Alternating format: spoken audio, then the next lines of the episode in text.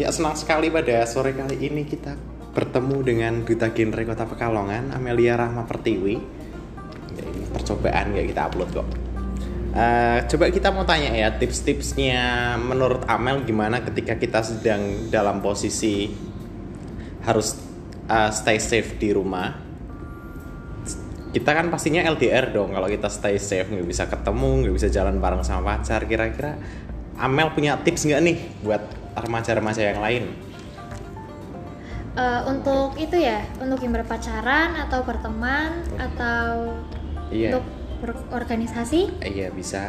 untuk semua hal. Iya oke. Menurut- Terutama untuk yang teman-teman punya pacar nih gimana nih? Uh, menurut saya dengan keadaannya saat ini lagi genting-genting